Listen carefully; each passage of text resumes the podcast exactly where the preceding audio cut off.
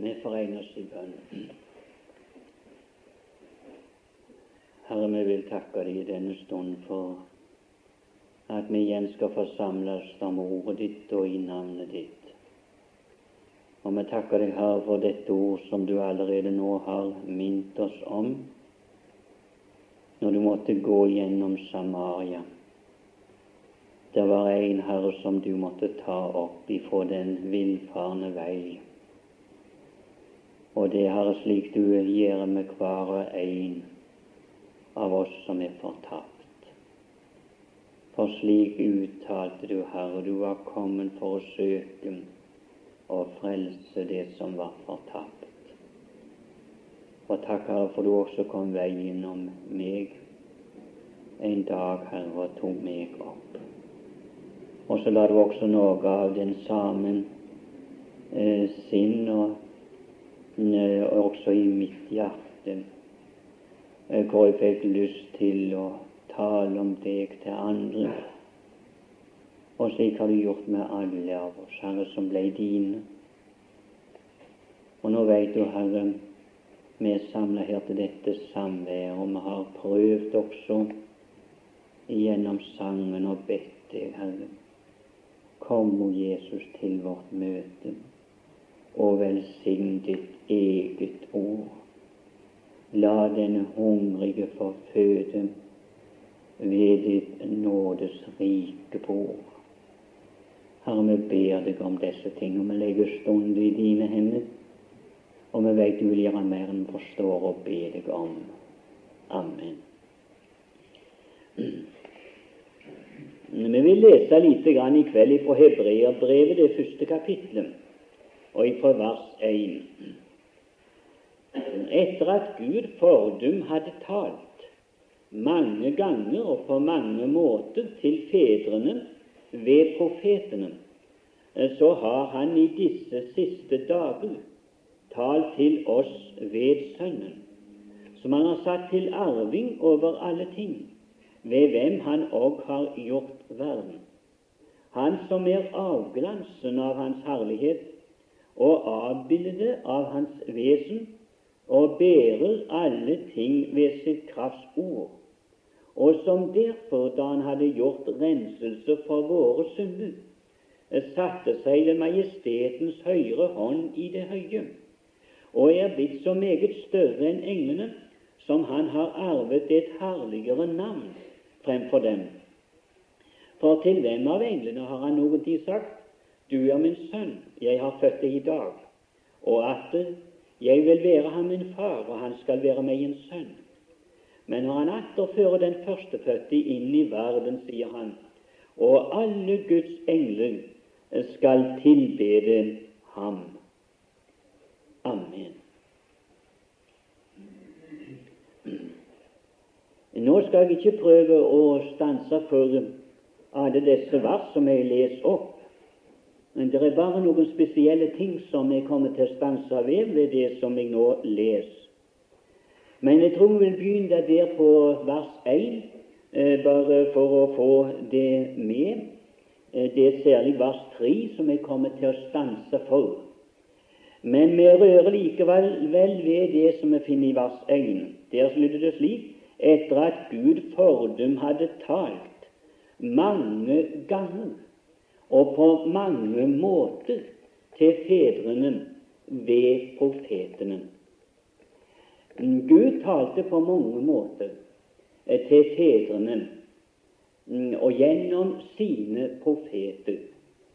Og Peter sier det slik det er hellige Guds menn. De talte drevet av Den hellige ånd. Gud han dreiv disse menneskene, profetene, dreiv han ut med ordet. Og det forstår vi når vi leser noe av profetene, når vi ser hvordan de protesterte for å gå med det mange av dem. Og eh, Moses han protesterte når han skulle gå. Efekil han protesterte når han skulle gå. Eh, Jeremias han sa 'jeg er ung, og det passer så dårlig at jeg går'. Det var alltid noen skyldninger. Esaias han brukte det samme.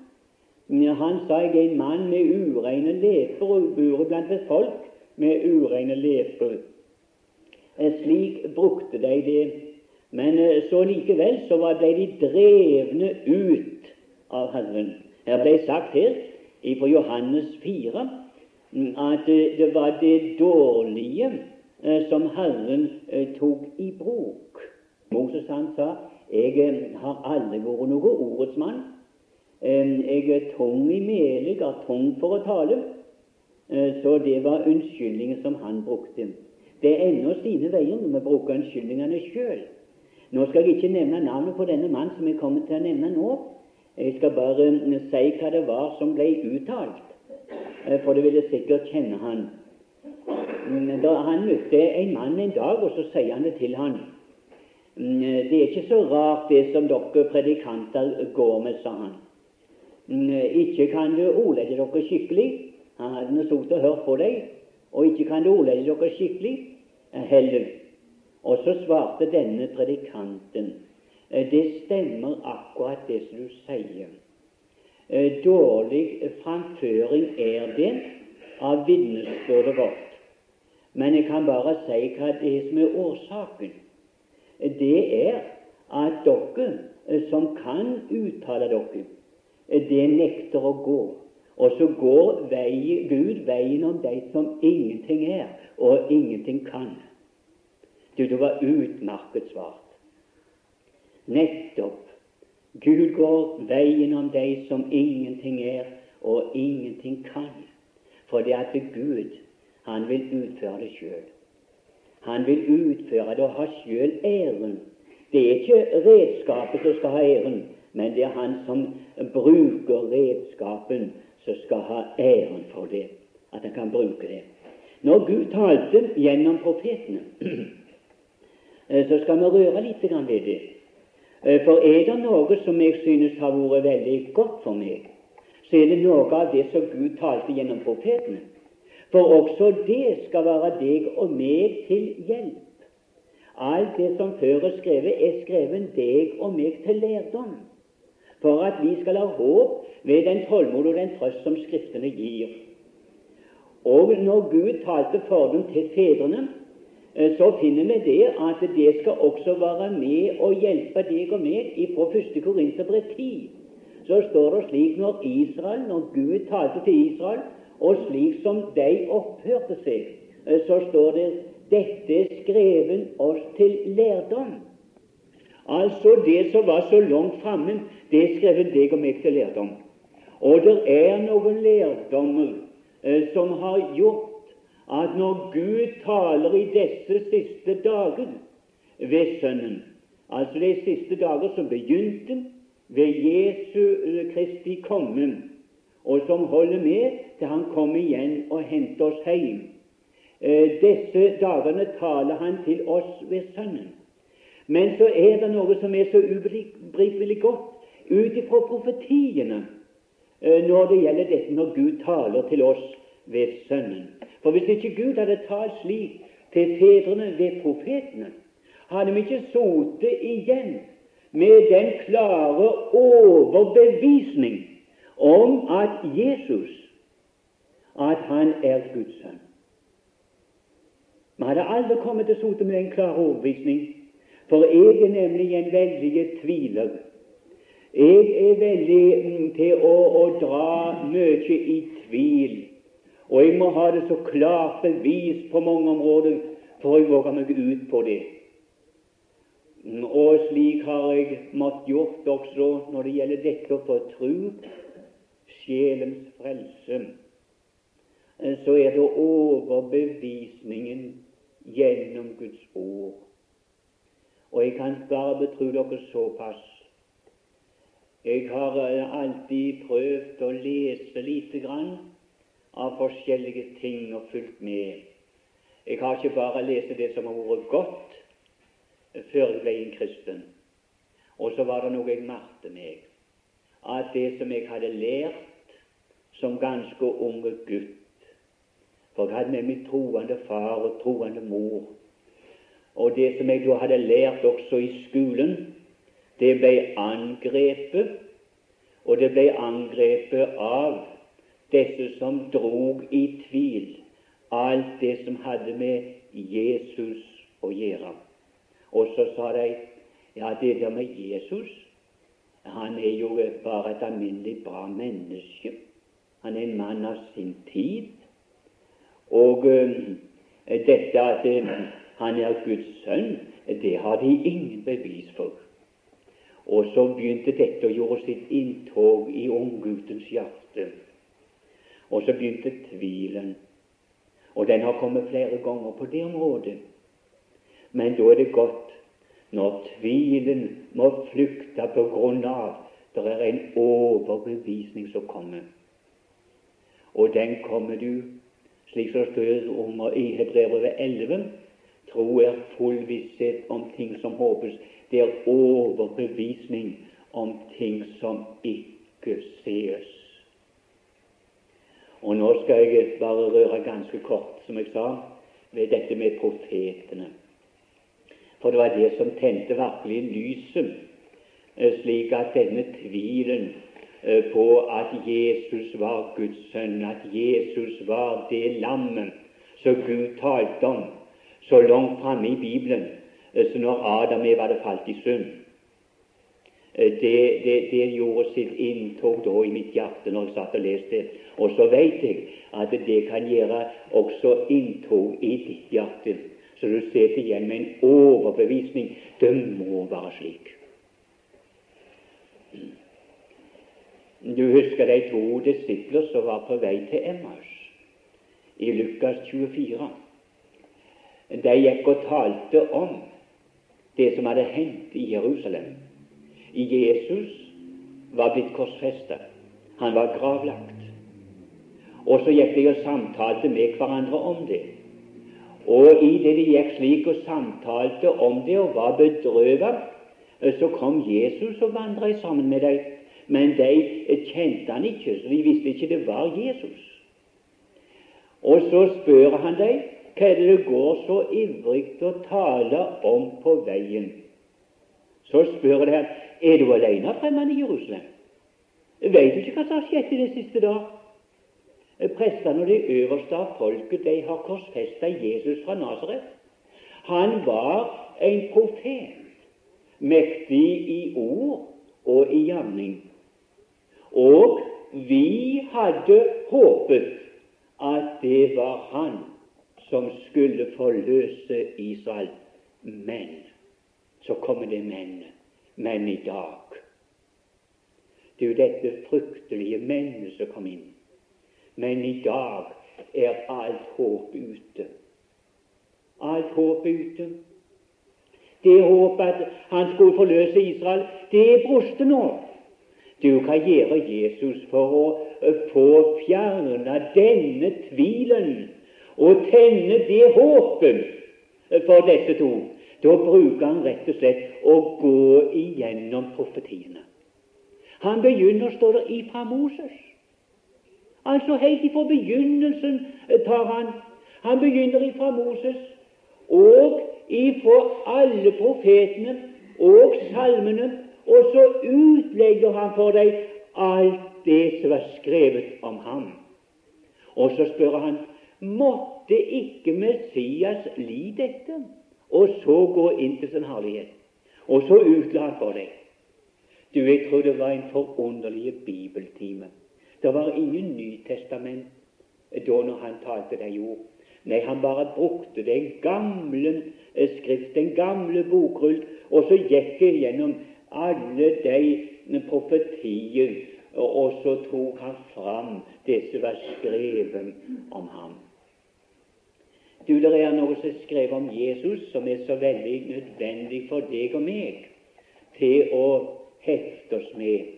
Skal tvilen Eh, forsvinne ifra at, at dette som de holder på å tale om i dag, når de sier Jesus er bare et alminnelig bra menneske, og at han er en mann av sin tid, men en god sådan, et ideal som du og meg bør leve etter.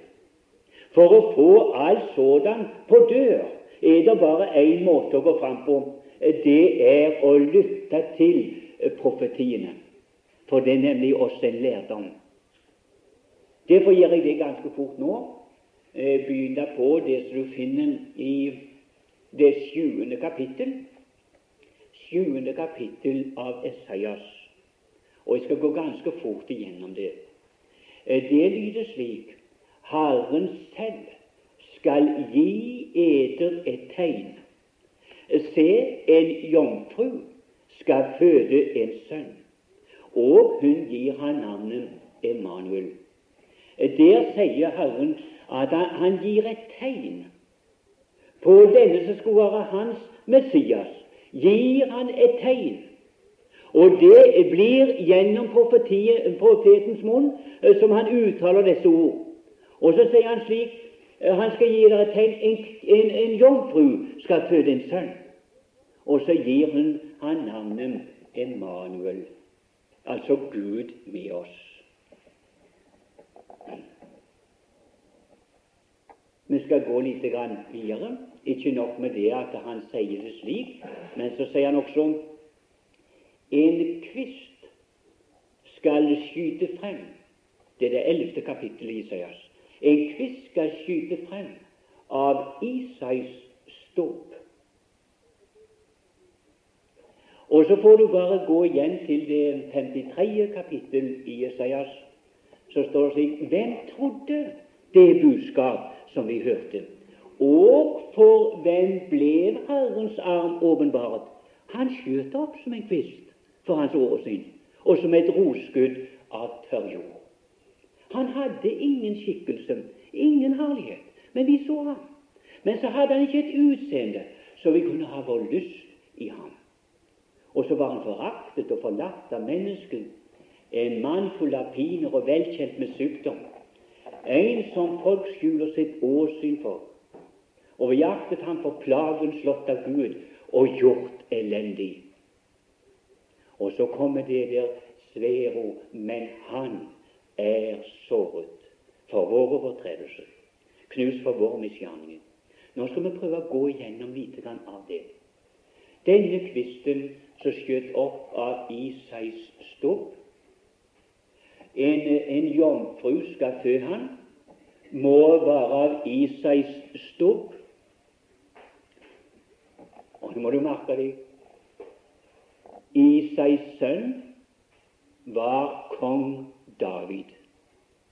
Så sier Guds ord. Men Isais sønn var kong David. Og så skyter denne personen opp av Isais stubb.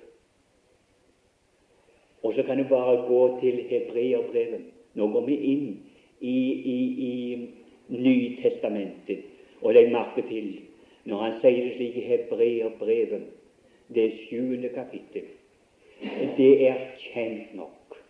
Det skulle være kjent. Når du har lest gjennom profetien, så er det kjent nok at vår Herre er opprundet av Judas stamme.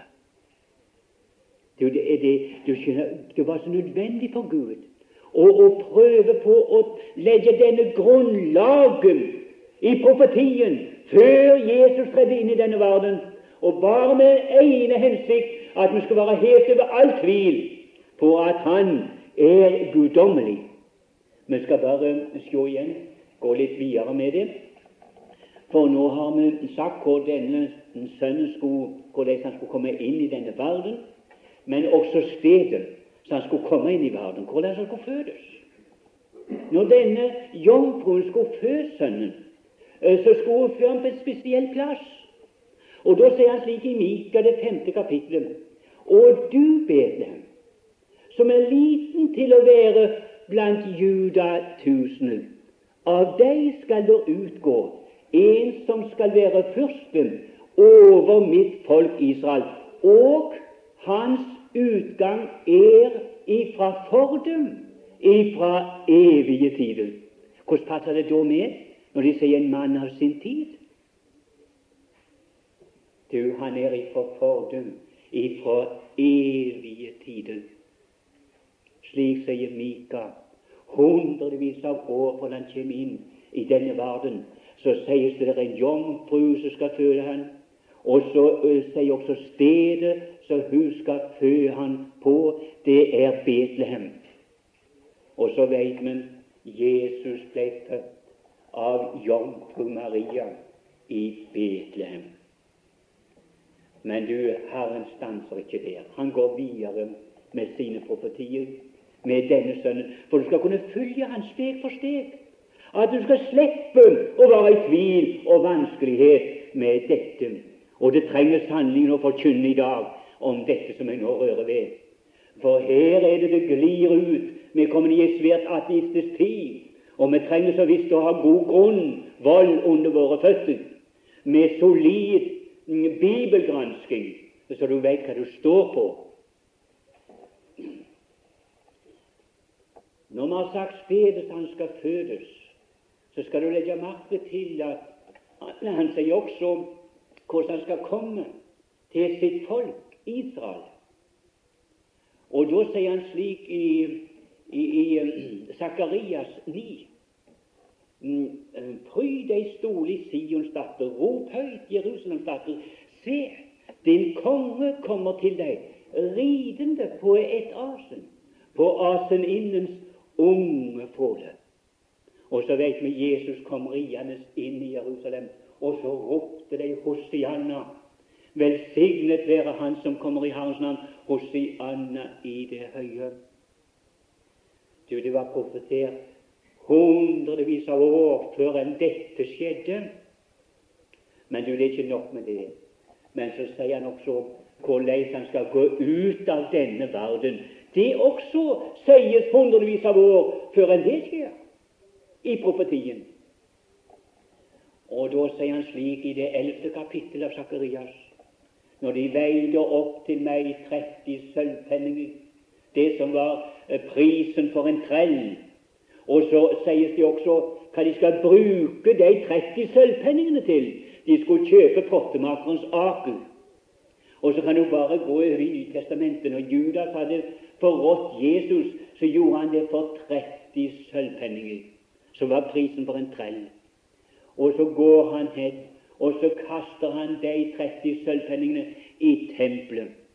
Og så tar ypperste prestene og de eldste, og så kjøper, tar de de pengene, og så kjøper de pottemakerens aker til gravplass for de fremmede. Ser du hvor nøyaktig det gikk i, i oppfyllelsen profetiene. Og så sitter det høye råd der. Når Jesus skal ut av denne verden, så sitter det høye råd 70 medlemmer. Så sitter de der, og så sier de nå må ikke dette skje på høytiden. Nå må ikke det skje på høytiden. Vi må finne en annen tid enn høytiden som det skjer på. Det må ikke skje på påskehøytiden. Ja, slik sa det høye råd. Men så er det et høyere råd i himmelen, så det står i Apostlenes gjerninger 2. Eh, så det står slik Han ble forrådt etter Guds besluttede råd. Du, så hadde Gud beslutta det må skje på høytiden, for det er mitt påskelam. Og da skal det dø på høytiden, for det skal stemme med profetiene. Med det som skjedde helt framme i annen Mosebok. Du husker når påskelammet ble slakta ved utvandringen ut av Egypten. Du også skulle skje på høytiden. Og så skjedde det på høytiden. Og så var det ikke nok med det, og så sa de slik Ja, det står forresten også i Esaias 53 så står det slik at de, de hadde Han fikk sin grav blant ugudelige. Men så står det men hos en rik var han i sin død, fordi han ingen urett hadde gjort. Det forteller Esaias hundrevis av år før enn dette skjer. Forteller Esaias det. Og så kommer den rike Josef fra Amathea, og så ber om Jesu legeme. Og så legger han det i sin nye grav som ingen hadde leie i. Du, hos en rik var han i sin død. De hadde bestemt gravplassen skal være mellom røverne i Himmelsdal. der hvor forbryterne ble kasta. Men du, Herren hadde bestemt noe annet. Han skal være kjønnrik. Ser du det? Hvor nøyaktig alt går i oppfyllelsen. Så kunne vi holde på å gå gjennom mange, mange ting. Men nå skal vi ikke gå videre med det, men bare bevise dette med disse skriftene. at når Gud talte, så talte Han på mange måter eh, til fedrene ved profetene. Så har Han i disse siste dager talt til oss med Sønnen. Og da sier Peter det slik Vi var øyenvitner til ham. Vi var sammen på det, på, på det hellige berg, sier Peter. Og vi så eh, både det som skjedde, og vi hørte røsten når han talte til ham og sa dette er min sønn, den elskede, i hvem jeg har velbehag. Må du høre ham. Men så sier Peter, men fastere har vi det profetiske ord, så de gjør vel jakte på som på et lys som skinner på et mørkt sted, inntil dagen bryter frem og morgenstjernen går opp i nyttårsjakten. Det er da først du merker det, uh, dette når du går gjennom profetiene. Uh, da får du et grunnlag uh, for dette som du finner med Jesus Kristus. Og da ser du hvor nøyaktig det er. Og så sier Peter det. Var øyenvitner til det, og det stemte perfekt med profetiene. Det er også det som Lukas, legen Lukas, når han skal skrive, så begynner han jo slik, etter at mange har satt seg føre og sett om en fortelling om de ting som er fullbyrdet iblant oss. Eh, de som hadde vært øyenvitner og ble ordets tjenere, har overgitt oss det. Så har også jeg, etter at jeg nøye har gransket alt sammen, altså det som øyenvitnene forteller, og overgitt, og dette som profetene har uttalt, så stemmer øyenvitnenes utsagn med det som profetiene har uttalt. Og da går morgenstjernen også opp i vårt hjerte. Du er ikke glad for dette, at vi har disse hellige skrifter. De gir oss vis til frelsen ved troen på Kristus i Jesus. Og Lukas sier det slik når han har skrevet dette, så sa han for at du skal lære å skjønne hvor pålitelige det lærdommer er som du er blitt opplært i. Du er ikke godt, kjære venner, å ha noe som er pålitelig. Pålitelige lærdommer. Å, hvor godt det er når det bølger slik av ateistisk ånd omkring oss. Det vil bortforklare det hele. Du, Da er det godt å få stelle seg ned med pålitelige lærdommer, og så bare ta til seg av det. Å, hvor det varme! Å, hvor det varme når å få sitte slik. Men vi må gå litt videre, for det er sagt så mye om denne personen. Han som er avglansen av Hans herlighet og avbildet av Hans vesen. Altså, Jesus er avglansen av Guds herlighet, og han er avbildet av Hans vesen. Du, det er ingen som har sett Gud, men Jesus sa den enbårne Fader som er i Faderen sjøl, han har åpenbart ham. Du, det er godt det er ei som har åpenbart Gud i denne verden. Og så sa Jesus og den som har sett meg, han har sett Faderen. Philip han, nei, Philip, han spore uh, han, Vis oss Faderen, og det er snart. Det var da Jesus sa Den som har sett meg, Philip, han har sett Faderen. For jeg og Faderen, vi er ett. Du, han er Guds avbilde, vesen, avbildet av Hans vesen. Og han bærer alle ting ved sin krafts ord. Bærer alle ting ved sin krafts ord. Og som derfor, da han hadde gjort renselse for våre synder, satte seg ved majestetens høyre hånd i det høye. Du, jeg er så veldig glad for det ordet som Gud har sett inn her i det tredje vers, når det står som derfor da han hadde gjort renselse. Du ikke skal gjøre renselse, men han hadde gjort renselse for vår synden. Tenk du det var en person i denne verden som kom ifra Gud, og så gjorde renselse for alle dine og mine synder. Og når han hadde gjort renselse, så står han og satte seg ved majestetens høyre hånd i det høye, med prestelig tjeneste.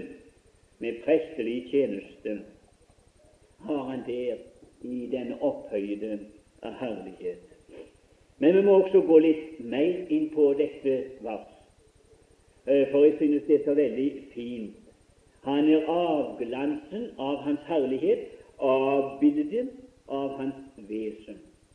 Du, Guds herlighet stråler fram ifra Jesus, eh, både gjennom jeg ja, hva skal jeg si, gjerning og gjennom ord.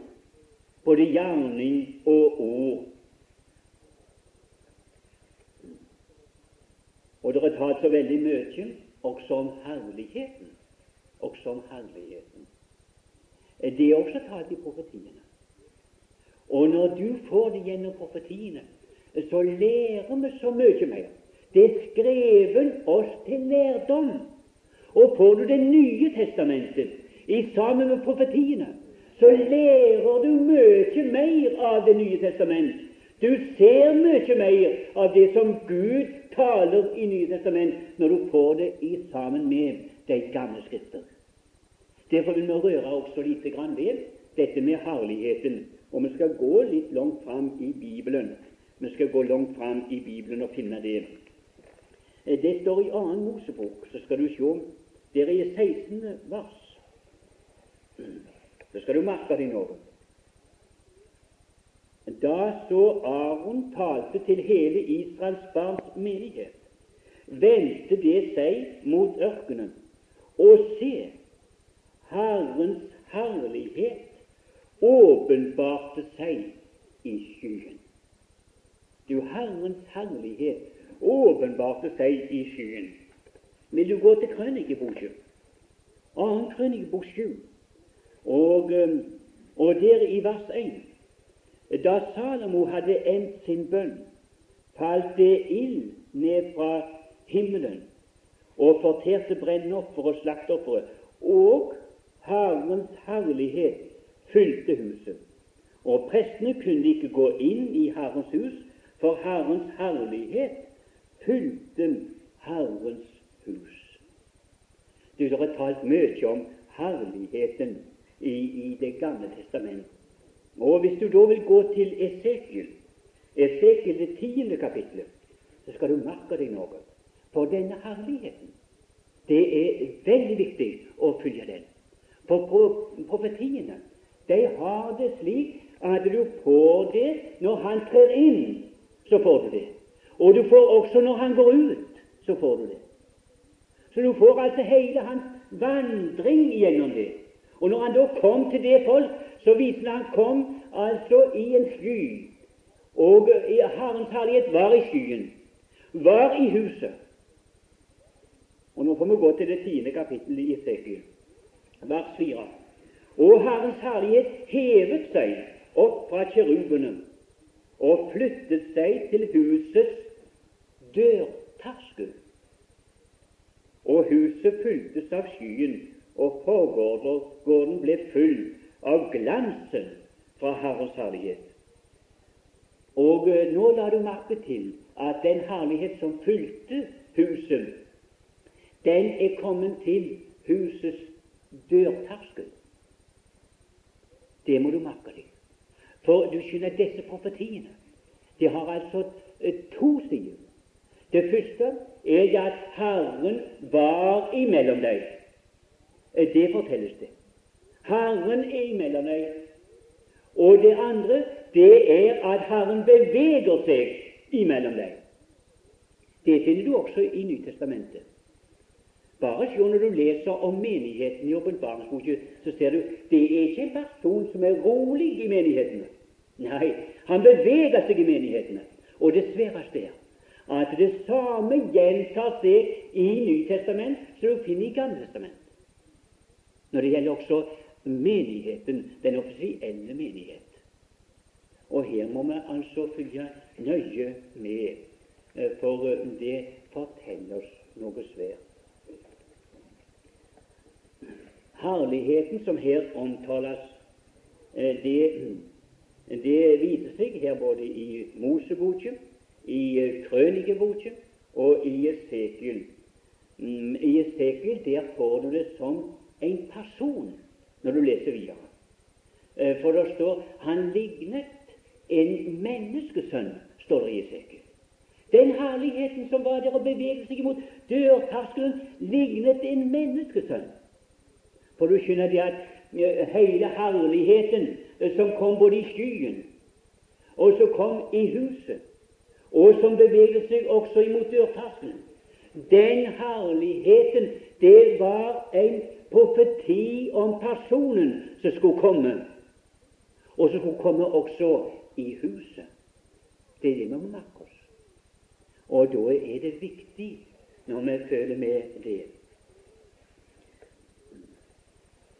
Når du leser 2. Mosebok, 24. Eh, kapittel, som jeg rørte ved, eh, så legger du merke til at det ligner også en forterende ild. Det ligner en forterende ild. Mm, denne ild eh, det var et vitnesbyrd om at Gud var iblant deg.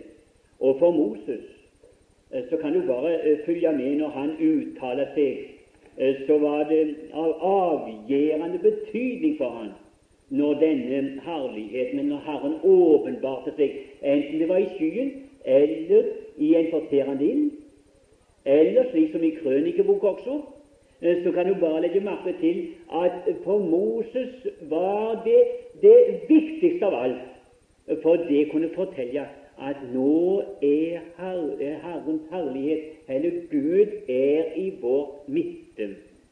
Du, hvordan er det med oss? Hvordan er det med oss? Er det likt med oss med Moses at det er så om å gjøre for oss at herligheten kom i lag med oss? Jeg bare spør er det om å gjøre at herligheten kom i lag med oss. Du finner Moses i bønn. I kapittel eh, 33 av annen Mosebok så finner du han i bønn. Og Hvis du vil se hva han ber om, så sier han eh, la meg få se din herlighet. Han ber om det. Jeg må få se din herlighet. Det ba Moses om. For det var så om å gjøre for Moses. Og så svarte Herren du kan ikke se mitt ansikt. Hvorfor kunne han ikke se ansiktet til Gud? Du, Det kunne ikke være annerledes i gamle pakten. Det var et forheng, står det. Det var et forheng. Kunne ikke se Gud. Derfor innhyller han seg også slik. Men det finner du ikke i Nytestamentet. Da finner du han ikke innhylla slik med forheng. Nei, da åpenbart på en annen måte. Fordi at forhenget det revner fra øverst til nederst ved, ved, det som skjedde på Kolkata kors. Du husker det som står i Nytestamentet. Når forhenget revner fra øverst til nederst, så forteller nå er det fri adgang inn til Gud. Jeg sier igjen det var bare synd dette mennesket ikke forsto dette som fortelles deg. Mm, vi leser i Hebrevet 9 at uh, så lenge som det foreste til sto, så var det ingen adgang. Men så sier han også i kapittel 10 men nå har vi adgang med frimodighet i Jesu blod å gå inn i helligdommen. Du, nå er det fri adgang inn i helligdommen som Gud har innvidd oss. Det er ny, det er en levende vei gjennom forhenget som er hans kjød. Legger du merke til at her er det altså Jesu Kristi kjød som gjør at du og vi kan gå inn vi kan gå inn igjennom det forheng. For du, når han tekte legeme, så står det i Hebrevet 10 et legeme laget du for meg. Og når du leser innstiftelsesord for nattverden, så merker du hvordan det blir sagt. Dette er mitt legeme som er foredret. Altså, Jesu legeme var ikke for Jesus, men du, det var for oss når han fikk det legeme. For at du og meg skulle kunne gjennom det legemet eh, som nå skulle gjøre Faderens vilje, eh, skulle du og meg kunne gå inn i, eh, bak forhenget, like inn til Gud i Guds nærhet. Og kan det sies slik som Jesus sa Jeg takker deg, Far, for du alltid hører meg hva jeg så ber om. Du, det er veldige ting, det som skjedde. Vi synger i en sang La meg få se ditt ansikt, kjære Jesus. Få se meg glad på all din herlighet. Du har du funnet noe herlighet ved Jesus Kristus, så du kan se deg glad. Han sier ikke 'la oss se mitt ansikt', og se meg glad på all min herlighet, for du, du og meg har ingen herlighet. Og det ansiktet som du og meg har, det bærer preg av rynke, og det bærer preg av det at vi er syndere. Du, det er så mange rynker og det er så mye som klever ved oss. Men du skal få se inn i et annet ansikt, som heter Jesu Kristi ansikt. Du skal få se deg glad på Hans herlighet.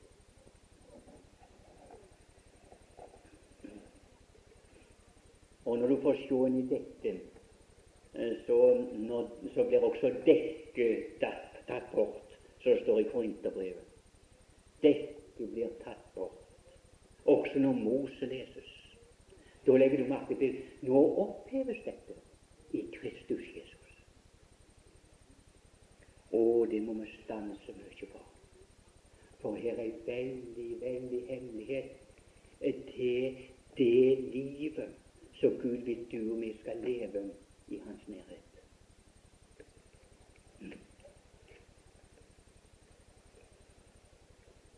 Det er en sanger han synger slik Sløret drog han fra mitt øye, viste meg sin herlighet. Si meg, er det da et under? Verden blegnede der er. Du, verden taper sin makt når vi blir opptatt og av dette når han drar sløret til sides og viser sin herlighet. Du, da taper denne verden sin makt. Nå sies det i Johannes første kapittel Ordet ble kjødet, tok bolig blant oss, og vi så Hans herlighet. En herlighet som den enbårne sønn har fra far, full av nåde og sannhet. Du, det er den største herligheten som jeg har oppdaget ved Jesus. Det var at han var full av nåde og sannhet. Og så har denne nåden, så har den tilflått meg. Så tilflaut han denne nådens synderinnen ved Sykarsbrønnen. Og så tilflaut denne nåden en. Så tilflaut den nåden kvinne du finner i Lukas 7. Og så tilfløt også denne nåden deg som sitter der på møtet i kveld. Han var full av nåde og sannhet.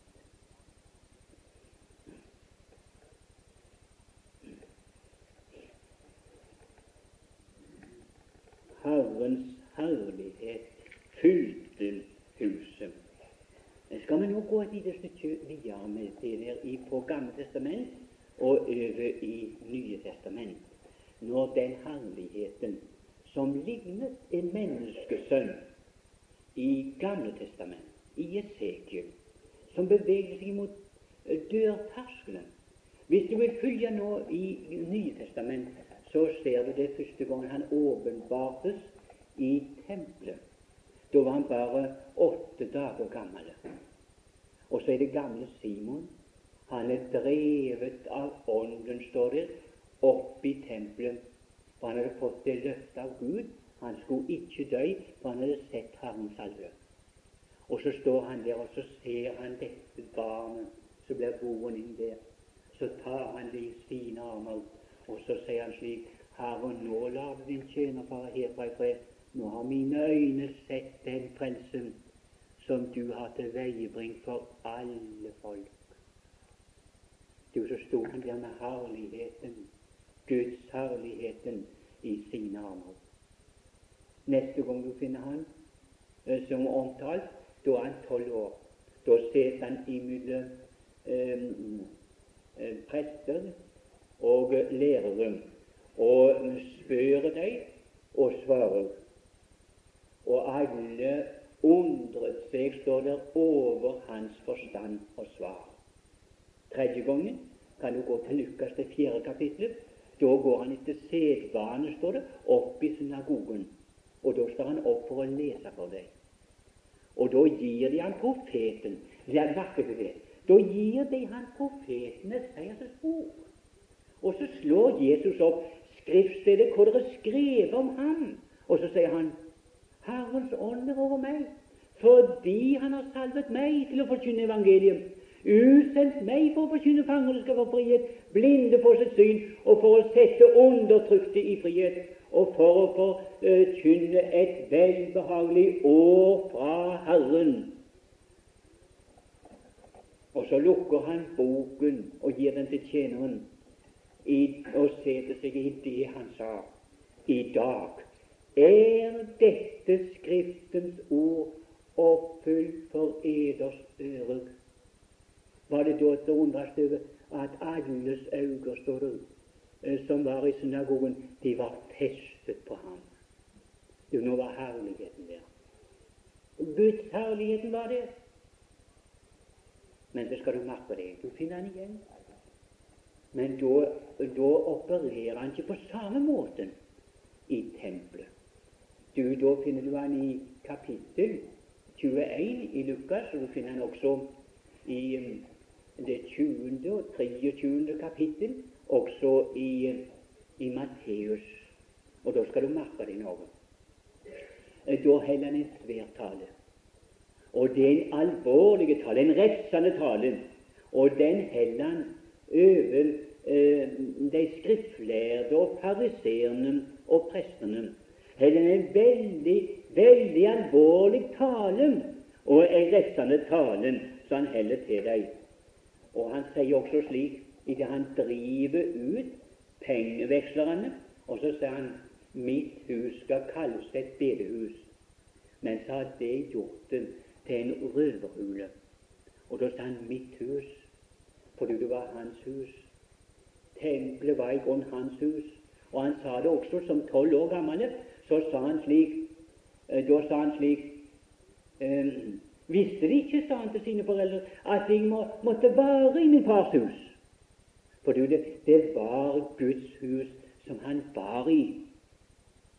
Men så kan du bare følge han litt lenger i det 24. kapittelet av Matteus, begynnelsen der, så legger du merke til Da står det da gikk han ut av huset, og så sa han også eders hus skal lates øde. Da sa han ikke mitt hus, men han sa eders hus. Du har du merket deg at her er en veldig lærdom når det gjelder det folk Israel. De har ennå det huset. De har ennå et sådant tempel med masse med stas, med alt det alterstas som er beskrevet i Gamletestament, og de driver på med ofringer og alt det som foregikk i Gamle testament. Men du, det er bare én ting. Det er ikke Guds hus, men det er eders hus av Jesus. Så finner du Jesus gikk ut av det huset, og så gikk han ned til sjøen, står det. Og så satt han seg der, og så lærte han folket. Så lærte han folket. Og så begynte han, når han da skulle dele nattverden med sine, eh, så sendte han ned og, og legde en sal. Hvorfor hadde han ikke i tempelet? Nei, nå skulle han ha det på en sal, i sammen med sine disipler. jo fordi at han var gått ut av huset, og det var de som ikke mottok herligheten som var i huset. De ville ha det på sin måte. Og de dreiv han også ut av huset. Og Derfor så finner du Jesus gikk de sammen med sine i det alminnelige hus. Der delte han nattverden. Der var ingen sådan eh, gammeltestamentlig alterstas. Heller ingen sådanne ting av ytre glimt. Alt var så veldig enkelt. Det var så like til. Men det var én ting iallfall som var der, og vet du hva det var? Herrens herlighet var der. Herligheten var der, for Jesus var der. Du hører, det skulle ikke være også slik, for det skulle være en lærdom også for oss. Det som jeg synes vi holder på å gå så veldig opp i, det er at vi får det så veldig godt til å svive på alle områder og vi har så veldig eh, fine måter å få det til på. Og vi prøver å starte det til så godt som vi kan på alle områder. Men du er det like mye nød for oss som det var for Moses, at du må ha få din herlighet. At Han kommer sammen med oss. At vi ber slik som vi sang Kom, o Jesus, til vårt møte, og velsignet eget ord. For du skjønner, hvis ikke Han kommer, så hjelper det så lite. Vi kan jo få det til å gli ganske fint. Vi kan få det til med så mange fine talemåter på alle områder. Men du kan hjelpe det hvis ikke han er der. Du, får se som vi bare igjen med alt dette ytre glimmer, og så har vi mist herligheten.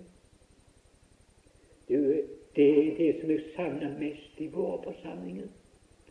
Og det ser ut som vi har det noenlunde på samme måten som Israel hadde det, at de bare treffes med de ting uten at Herren åpenbarte seg. Og det måtte bli en nød for oss at vi måtte få se Hans herlighet, få se Hans åsyn, og få se oss glad på all Hans herlighet. For det er det vi trenger i ei tid som nå. Når du leser om menigheten i åpenbaringsboken, så ser du det. Når de har begynt å glitt, så har de glitt så langt at Laudikea-menigheten, eh, så sier den slik Den er rik, den har overflod, den fattes ingenting. Så sier Herren, og så veit du ikke. Du er ussel, du er ynkelig, du er blind, du er naken. Du kan ha være en dårligere forfatning i en menighet. Men tro den er rik, tro den har overflod, tro den fattes ingenting. Og så viser det den fatter alt, for han står utenfor døren. Herligheten som skulle være i menighetens midte, han står utenfor døren og banker og spør om å få komme inn. Du ser med noe alvoret. Du, det er en profeti som skulle være med og tale til oss. For Gud har talt til oss ved Sønnen i det siste dagen. Og så får du se hvordan menneskene Nei, la meg ikke ta menneskene. Vi vil ta den offisielle menigheten. Får du se hvordan den mottar Jesus Kristus. Du, nå har jeg den uh, lodd at jeg reiser nokså mye rundt. Det blir jo nesten hver dag det gjennom året. Og jeg kom i, i mange, mange uh, flokker. Og jeg kommer jo på nært hold. Og da har jeg merket meg noe som jeg synes forskrekker meg. Det er alt det som vi regner med skal kunne nå, og som skal kunne bevare de unge, f.eks. Når det gjelder de unge, så har man, de sier det Å nei, vi må, må, ikke, må, ikke, snakke om dette her og bare ha dette gamle, sier de. Må ikke ha dette gamle. De, de, må ha nye ting, nye metoder, snakker de så mye om i dag. Du, legg merke til når de begynte med nye metoder. Da var herligheten også vekke. Og det er jeg er så redd En går over til metoder, og så glemmer en det noe som heter kraft i Guds ord. Og det heter Det er Jesus Kristus og ham korsfestet. Guds kraft og Guds visdom. Og når det da ikke skal plasseres i menigheten, men en tror en skal kunne gå med nye metoder, ja, da kan jeg bare si da blir det en menighet som synes å være rik og har overflod, for den har så mange ting.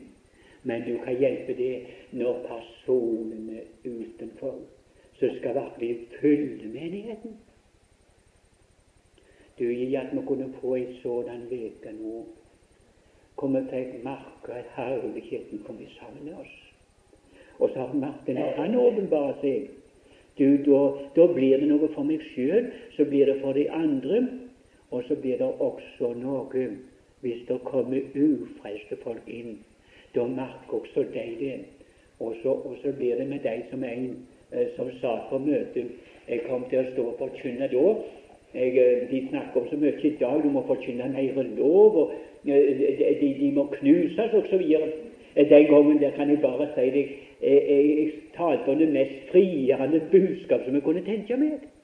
Og så sitter der en i forsamlingen, men, men Gud var der. Han var der. Herligheten ble åpenbart for oss. Og i det han åpenbarte seg, så sitter der en ufrelst mann. Han var i, i 26-27-årsalderen. Og så reiste han seg opp så sa han, må be til Gud for meg, sa han, for nå sukker jeg. Nå sukker jeg, sa han. Du, han, han ikke stå utenfor denne herligheten, jeg.